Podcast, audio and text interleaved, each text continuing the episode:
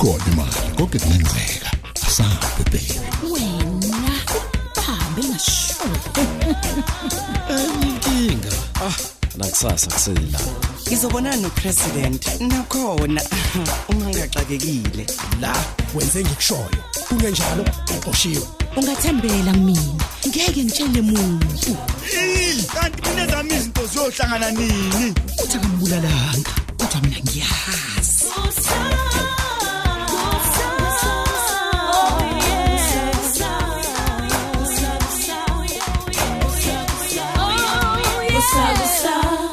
Episode 790. Ish. Udakazi nje into azoyidla. Yazi, amanga amavela abanjwa sibekwa nje. Kodwa uma yini besemfonelana ntulungi. Yazi ngaphela sikho sonke lesixaxa kuba akazange fona. Nonkosikazi langa nawe ngene indaba ekude naye. Usengena ngaphi yena ngoba mina bengisifunela imali nje. Hmm. Ukuba ngisaba ukuphoxa ulethiwe. Bengizoya kubona unonke.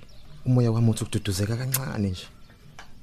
Phoke lesesilime sulethiwe sivutha bhe. Mhlawumbe umuntu kuzodingeka asuke la kanti ulungi. Inamabhadi phela le ndawo. Umuntu uzozabalaza kanzima uma esahleli la.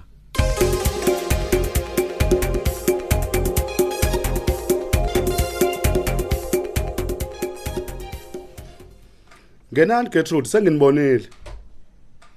Sawubona Sibekani. Yeah, Injani kodwa impilo mzalwane? kuyaphila. Eyibo, i-office lakho lihlale lihlanzekile nje. Hey ngiyakutshela.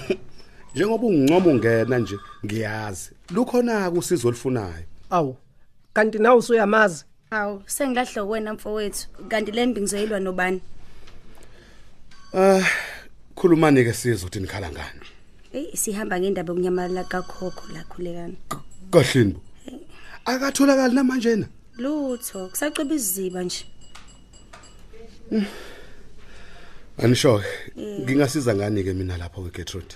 Eh sicabanga ukuthi sithinta abazali bakhe. Sicela usisize ngekheli nenamba zocingo bahlakhule. Ha Siyacela. ha ha ha. Kanti nina makangangozi. Ah kodwa khulekani siyacela bani siyacela. Nathi siyazi ukuthi umthetho awuvumi. Kodwa ayikho enye indlela engaphandle ukuthi sizoyilahla kuwena. Futhi ke senza into enhle lapho. Siyacela khulekani. Hayibo, hayibo. Siyacela Nenza into enhle kuphi uma ngabe ningiphulisa umthetho Gertrude? Khulekani lalela. Kungenzeka ukuthi ukhokho unenkinga la ekhona. Ukutholakala kwakhe kunga- kungasinika ithuba lokumsiza. Futhi ngeke kuveleke nje ukuthi ithole kweni number yocingo labazali bakhe. Ukhuluma nawe menzi. Mm, ey, ngisho njalo impela nami mfowethu khulekani. Sizama ukusiza lapha. Ngeke sikufake enkingeni mfowethu. Senza lokho nje nathi besingalindela ukuthi ukhokho asenzele khona ngelinye ilanga. Mfethu, besingenza okufanayo nakuwena khulekani. Siyakucela bantu. Mm. Hayi kona ngiyanizwa. Kodwa ke niyobe senigcume nama lapha yakude uma ngabe sengena enkingeni. Ayibo nkosama akukho inkinga la uzongena kuzona khulekani. Kunalokho uzothola ibusiso ngokusiza omunye umzalwane. Khulekani nawe sike sakusiza unenkinga. Haw. Into enhle ukuthi izandla igezane. Hayi kulungile. Angenisizi. Ah nkosi yami, hey ayibonge inkosi mzalwane.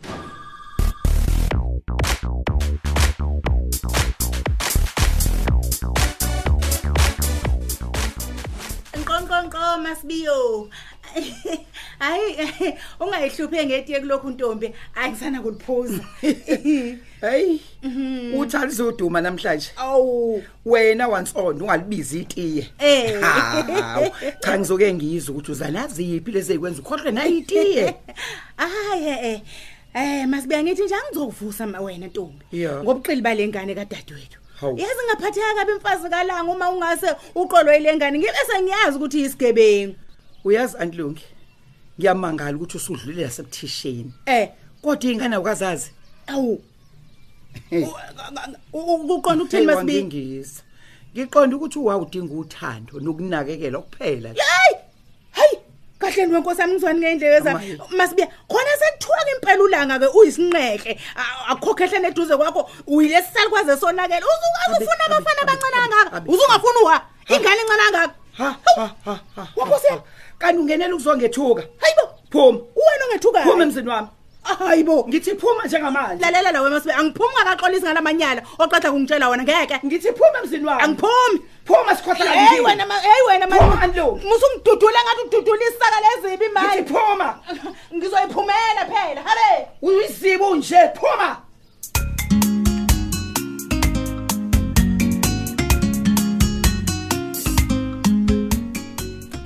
Hey wasisiza ukhulekani ngalezi zinamba zabazali bakhokho Nkosi yami eyibo. hey isho liphini Hey bo. kodwa ke angithi kuzofona wena kethi Awu kahle bomenzi yonke into isizokwenziwa yimina kanti. ukhumbule phela ukuthi makufona mina bazoyifunda ivaliwe nje Ah konje. Eh kahleke sifonela umama noma sifonela ubaba U- ucabanga ukuthi uba uthinte kakhulu ngalesimo lesi. ya imvamiso omama bathinteka kakhulu ngezingane zabo Kodwa phela la sikhuluma ngomfana. Owaba bayikhonsile ingane zabo zabafana. Ayiye eh ukhumbule ukuthi sikhuluma ngomfana onjani la Gertrude uyamkhumbula ukuthi umngadi wayethini ngami Usami iyeka ungabusaqhubeka menzi. Ngikhumbula kahle. okay Hayi akufone mina ke ngikhulume noma ngakhokho. Ey, ya sengathi kholokho ngempela ngcono sisi ngicela ukulala uthandaza ngenhliziyo nami ngizobe ngithandaza ngayo Ey Nkosi yami yazi alikhuni lento. Liyakhala Nkosi yami ngathi ngalibamba. Mm, Liyakhala. Eh, s- Sawubona mama. NgiuGertrude Mngadi, omunye wabangani bakhokho. Yebo, kade sifunda naye eUnima.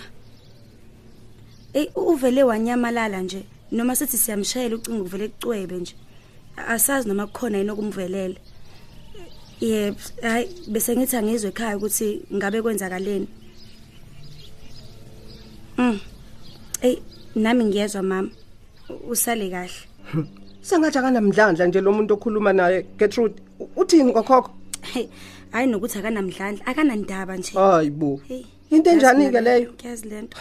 uthi pho ngumama wakhe ngempela loyo o mhlawumbe stepmother Ngisola ukuthi bese becekile ngesimo sakhokho kwezothando yabo. oh ya Hey.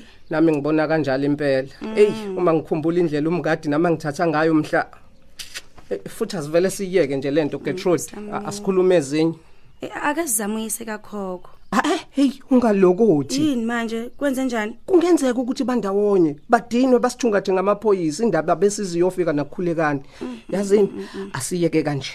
Ey Nkosi yami kusobala ukuthi sebamduba. Ey konke sesikushiya emseni wenkosi.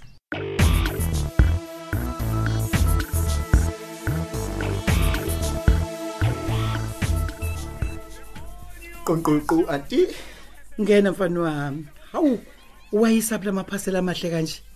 Uthunywa antilungi hayi cha cha cha. Ngilethele wena isiselo anti kodwa ngimtshela ngaka umamkhulu futhi Mm. akekho nasendlini akashongo nokuthi uyapi Uh, uzaze zazi hle. Hawu ngiyabonga baba. Uyithola phi kodwa ithele izinhle kanje? Hey u first grade phela lo.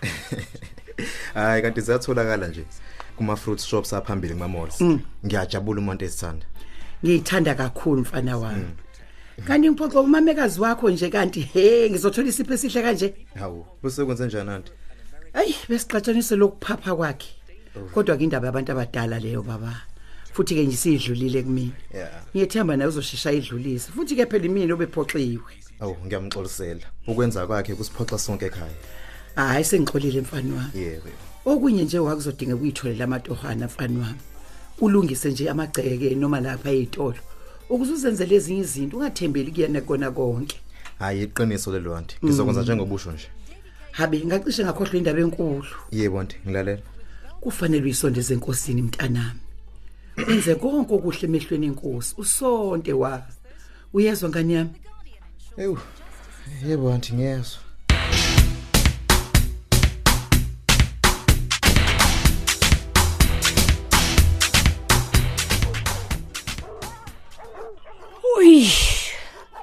Makhosi.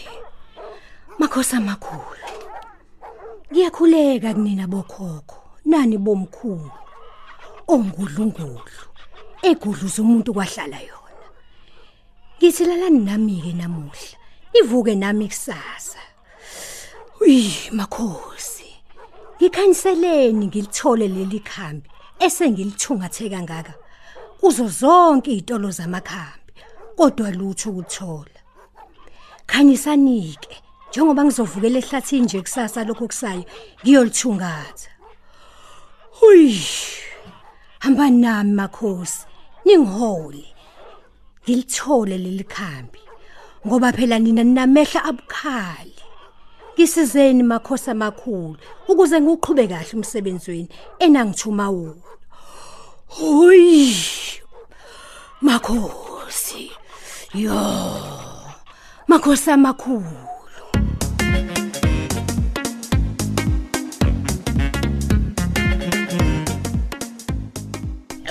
ngaze ngalenza iphutha nkosi yami ngathatha isinkwe esingasikiwe incezu. Awubheke nje into egejulo uwa umuntu avele sekuqinisa locezo ngathi iBhayibheli kodwa nje ah, kodwa nkosi yami ngididwe yini ngempela? Hayi kodwa bo. mamkhulu songaze uthethe kangaka uthethela isinkwa nje.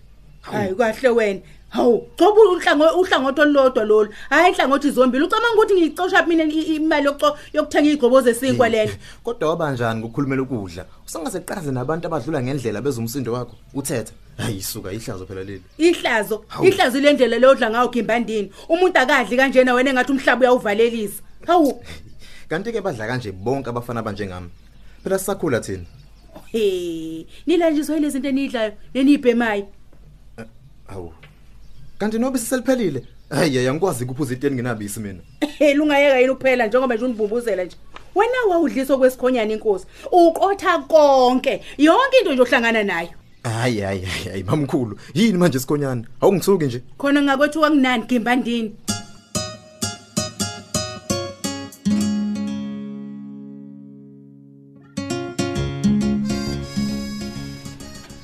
Sicela nokuthi usize intsha Nkosi. Uyikhanyisela indlela baba okufanele ihambe ngayo. Ihlenge inkosi eyivunguvungwini zalomhlaba. Eyikhula nsuku zonke. Sicelela nalomntwana uwandile. Ukuba ube naye. Umsize baba athola umsebenzi. Njalo uma ngimbona kuba sengathi ngibona umfana wami uSmolo. Njengoba becishe bafana. kanti balunge ngendlela efanayo futhi iba naye nkosi yami anti anti ngeke ngimbele mina lena yini wandile? Wangena ukhulu kudela nje kwenze njani mfana uma wami? mkhulu sengithathe ngepa mevuthayo ngoba nakho ngihlushadini Awu, awu, nesinkwa awu, awu, ngcono awu. ngigoduke ngibuyele ekhaya mina ngeke ngimmele lempilo kahleni bo ukushayela lokho nje wosa wosa baba wosa anti akunika ihaki. Kodwa ungenelwe yini umamkhulu wakho ngempela mina ngimmele lolu sisi mina ngiyagoduka kusasa wosa baba kunika ayi ihaki anti Hayibo. Yahanwa nkosi yami. Mhlona munike lo engubona. Nayi indaba, baba. Usuyigomothele kanje ingane kadade wena.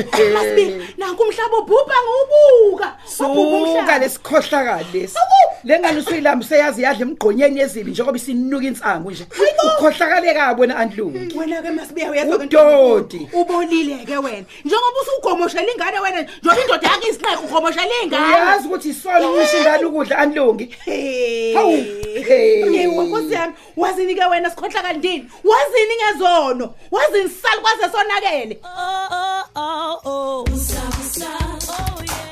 Siphela kanjalo ke isiqephu sethu sanamhlanje kanti abadlali bethu bekuyilaba. uMax udlala usonke ebuthelezi uGertrude udlala uThandazile Gumede uSakhile udlala uEric Hadebe uLanga udlala umthandeni Khanyile unkosikazi Langa udlala uGugu Khumalo Anlungu udlala uThembi Mathonzi uUncle Round udlala uThulani Mengo uLethiwe udlala uThandeka Mgenge uSisinonki udlala uDal Simsomi uKhokho udlala uXelbe Mkhize uMenzi udlala uNtuthuko Ndlovu uMadoda udlala uShedrack Ngema uThandeka udlala uSizwe Nzimande uNozi udlala uSibusisiwe Ngubane uNgqongqo Mngadi udlala uMathini Ziqubu uManxele udlala uBabongile Mkhize kanti abanye abadlali bethu yilaba ukhuphukani Khanyile uMbongeni Khumalo uKabelo Liwu uNonhlanhla Ngongoma Njabulo Shelembe umcinelo Shezi uSikhumbuzo Nzuza Sandiso Mfeko Vukani Hadebe Hlakanipho Maphumulo ababhali bethu nguChrista Biyela uEric Ngcobo uDippy Ntuli uSinoxolo Duma Tando Kunene Hlengiwe Shange Lerato Thuwe noZuko Nguqu kanye noNofundo Mkhize. Onjiniyela bethu ngusithembiso majozi nkosinathi dladla kululeko phephetha usamukelo khumalo. Ikusakusa iqoshwa ngaphansi kweso likadoli hadebe. Usabusa